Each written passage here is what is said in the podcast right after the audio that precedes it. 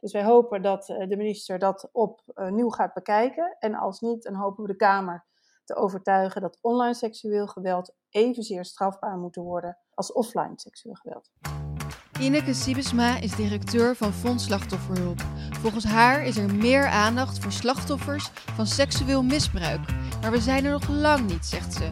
Want online seksueel geweld is onvoldoende strafbaar. Dit is een podcast van ANP Expert Support. Deze dienst staat los van de ANP-redactie. Luna van der Waarde spreekt vandaag deze expert naar aanleiding van dit ANP-nieuwsbericht. Grensoverschrijdend gedrag en seksueel geweld is nu zo duidelijk een probleem dat de regering er een speciale functionaris voor wil die advies kan geven. Dat wordt oud-informateur Mariette Hamer. Ze gaat werken aan een nationale aanpak. Hamer is ook al voorzitter van de SER. Ik spreek met Ineke Siebesma van Fonds Slachtofferhulp. Wat verwacht je van Mariette Hamer in haar nieuwe functie? Ik verwacht dat ze enorm veel werk krijgt, want een cultuurverandering is niet alleen maar iets van een regeringscommissaris, maar het betekent dat zij een hele cultuur moet uh, helpen te veranderen. En het lijkt me nog niet heel makkelijk om daaraan te beginnen, maar het is wel een hele goede stap. Waar zou Hamer zich dan mee bezig moeten houden?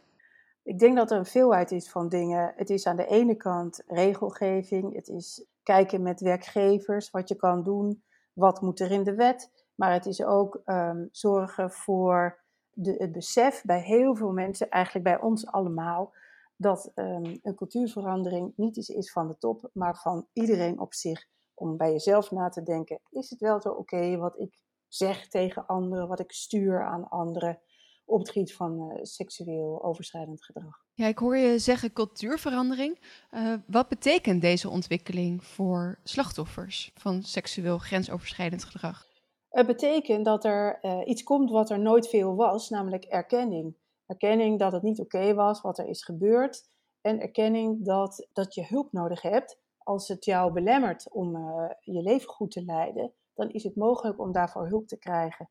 En uh, het is heel goed dat dat meer bekend gaat worden. En wat is de positie van slachtoffers op dit moment? Nou, die is aan het veranderen. Ik weet niet of het in de normale dagelijkse praktijk al zo verandert. En ik hoop dat dat dus gaat gebeuren. Maar het is wel heel erg veranderd. Het is nog maar een jaar of acht geleden, denk ik, dat um, wij bij het Fonds uh, Centrum Seksueel Geweld uitrolden als een landelijk netwerk. En dat ik overal in het land kwam en soms hoorde van, nou, het is natuurlijk fantastisch dat u iets wilt doen voor mensen die hulp nodig hebben na, na verkrachting, maar dat komt hier niet voor. En dat was ook toen al helemaal niet waar. Dus daar zijn we van ver gekomen en ik denk dat, het, uh, dat dit een goede zaak is voor slachtoffers. Dus eigenlijk hebben we pas heel kort aandacht voor slachtoffers. En, uh, ja, en de oogkleppen zijn pas heel kort geleden verdwenen. Nou, ik denk dat er nog meer. Uh, heel veel mensen zijn die denken dat het wel meevalt. En dat het nu zo'n hype is in de media. Uh, maar dat ze in hun gewone leven dat niet op zichzelf betrekken. En niet zelf denken: hé, hey, is het wel goed om mensen op die manier te benaderen enzovoort. iedereen zou bij zichzelf eens moeten nagaan. Iedereen van ons, wij allemaal zouden wij onszelf moeten nagaan wat onze rol daar eigenlijk in is. De laatste weken zijn er meerdere misstanden aan het licht gekomen, onder meer het grensoverschrijdend gedrag bij The Voice en bij Ajax. Wat doet al die aandacht met slachtoffers? Nou, die aandacht is belangrijk omdat uh, het mensen er uh, aan doet herinneren, aan die slachtoffers. Oké, het was dus niet oké wat, er voor wat er met mij gebeurde. En voor heel veel mensen is dit een moment om er aandacht voor te gaan vragen. Anderzijds is het ook weer lastig voor slachtoffers, want het rakelt soms ook een heleboel dingen op die mensen juist wilden vergeten, omdat het een hele nare ervaring was. Dus het is eigenlijk een scala van dingen die er voor slachtoffers gebeuren. Het belangrijkste is, zoek hulp. En ik hoop dat die boodschap nu luid en duidelijk doorkomt. Ja, en je zegt zoek hulp, maar is dat niet juist wat zo lastig is voor mensen? Hulp zoeken is lastig, dat is het altijd al geweest, maar de drempel wordt gelukkig nu wel lager en er is ook veel meer beschikbare hulp dan vroeger. Het Centrum Seksueel Geweld, er is sinds de jaren zeventig geprobeerd om uh, uh, structureel hulp voor mensen uh, die dit overkomt te krijgen. En dat is eigenlijk nooit tot de laatste tien jaar, zal ik zeggen, goed gelukt. Dus er is wel gelukkig wat aan het veranderen. Maar het is, slachtoffers, wij spreken ook veel mensen die het vroeger is overkomen en die het in al die jaren van hun leven is achtervolgd. En dat hoop je voor toekomstige generaties te voorkomen. Deze week lanceert het Fonds Slachtofferhulp ook een platform over online seksueel grensoverschrijdend gedrag. Wat houdt dat platform in? Ja, we werken inmiddels uh, ruim een jaar aan een platform dat wil ingaan op online seksueel geweld. Omdat jonge mensen van vandaag maken geen verschil meer tussen hun offline en online personality. En delen heel veel seksuele uh, dingen, relaties ook online. En um, dat leidt ook tot allerlei uh, ja, misbruik daarvan. Hè? Delen van beelden, afpersen met beelden, on-offline, seksshaming, noem allemaal maar op. Er zijn heel veel variaties daarin en het komt soms tot heel ernstige delicten. En wij willen graag dat met ons platform willen we erkenning voor mensen die dat meemaken en ook herkenning, want het is soms zoveel dat mensen niet eens herkennen van, oh ja, dat was eigenlijk fout. Uh, en daarnaast willen we mensen helpen de hulp te zoeken als je er echt veel last van hebt. En ook plaatjes weghalen uh, via de partners met wie wij werken op het platform.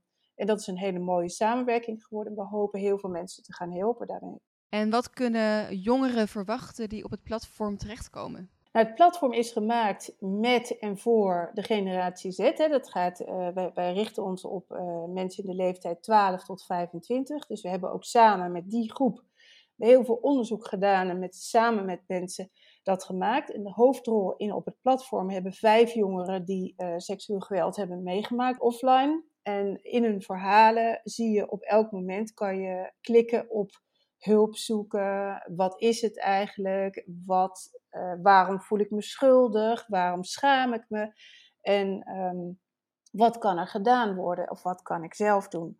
Uh, en daarmee hopen we uh, ja, dit probleem bespreekbaarder te maken en de, en de weg naar hulp beter te geleiden. Ja, en je hoort de term victim blaming ook vaak voorbij komen. Uh, dus dat betekent de schuld leggen bij slachtoffers. Is dat dan nu ook aan het veranderen? Ik vind het goed dat er over gesproken wordt, over victim blaming. Maar ik denk dat ieder van ons het wel eens doet. Um, en wat we hopen in, uh, met ons platform is ook duidelijk te maken wat een naaste bijvoorbeeld voor jou kan doen. En dat betekent zonder oordeel luisteren.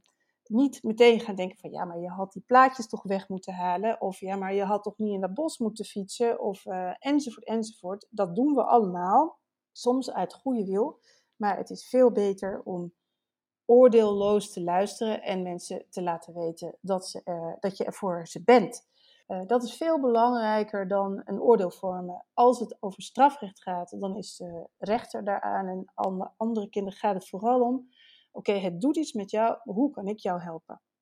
Ja, dus als ik het goed begrijp, niet mensen voor, veroordelen die uh, naaktfoto naar iemand sturen, maar, maar die persoon helpen. Als daar uh, vervolgens iets mee gebeurt wat niet door de beugel kan. En de persoon die iets grensoverschrijdend uh, doet met zo'n foto, die hard aanpakken. Zo is het. De politie zegt op dit moment van ja, ik zou zeker geen naaktbeelden delen. Maar mensen van vandaag doen dat.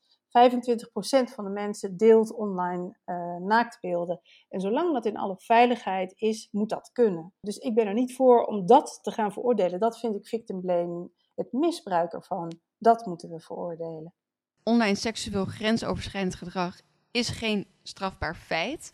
Uh, wat vindt Fonds Slachtofferhulp daarvan? Ja, we hebben bij de adviezen over de nieuwe zedenwet geprobeerd aandacht te vragen uh, voor al, al het online seksueel geweld. We vinden dat ook dat gewoon strafbaar moet worden. En dat is nog niet op alle fronten goed geregeld. Dus wij hopen dat uh, de minister dat opnieuw gaat bekijken. En als niet, dan hopen we de Kamer te overtuigen dat online seksueel geweld evenzeer strafbaar moet worden als offline seksueel geweld. Ja, nou de lancering van het platform komt in ieder geval op een goed moment. Want er is de laatste tijd natuurlijk veel aandacht voor seksueel misbruik. Wat zijn je verwachtingen van het platform? Wat ik hoop is dat veel jonge mensen de weg weten te vinden. En dat ze zich realiseren dat het niet oké is om uh, elkaar daarmee af te persen. Seksuele beelden delen, dat hoort bij vandaag. Uh, mits dat in alle veiligheid gebeurt zoals jij het bedoeld had. Uh, maar het misbruik maken ervan, dat is niet oké. En we hopen dat daarvoor erkenning te krijgen. En we hopen dat mensen daarover gaan praten. En als het ze belast, dat ze hulp gaan zoeken. Ik wens je veel succes met de lancering. Uh, Ineke Sibesma, dankjewel. Dank. Deze en andere experts staan in de database van ANP Expert Support. Ga voor meer informatie naar anp.nl/slash expertcast. Dit is een podcast van ANP Expert Support. Deze dienst staat los van de ANP-redactie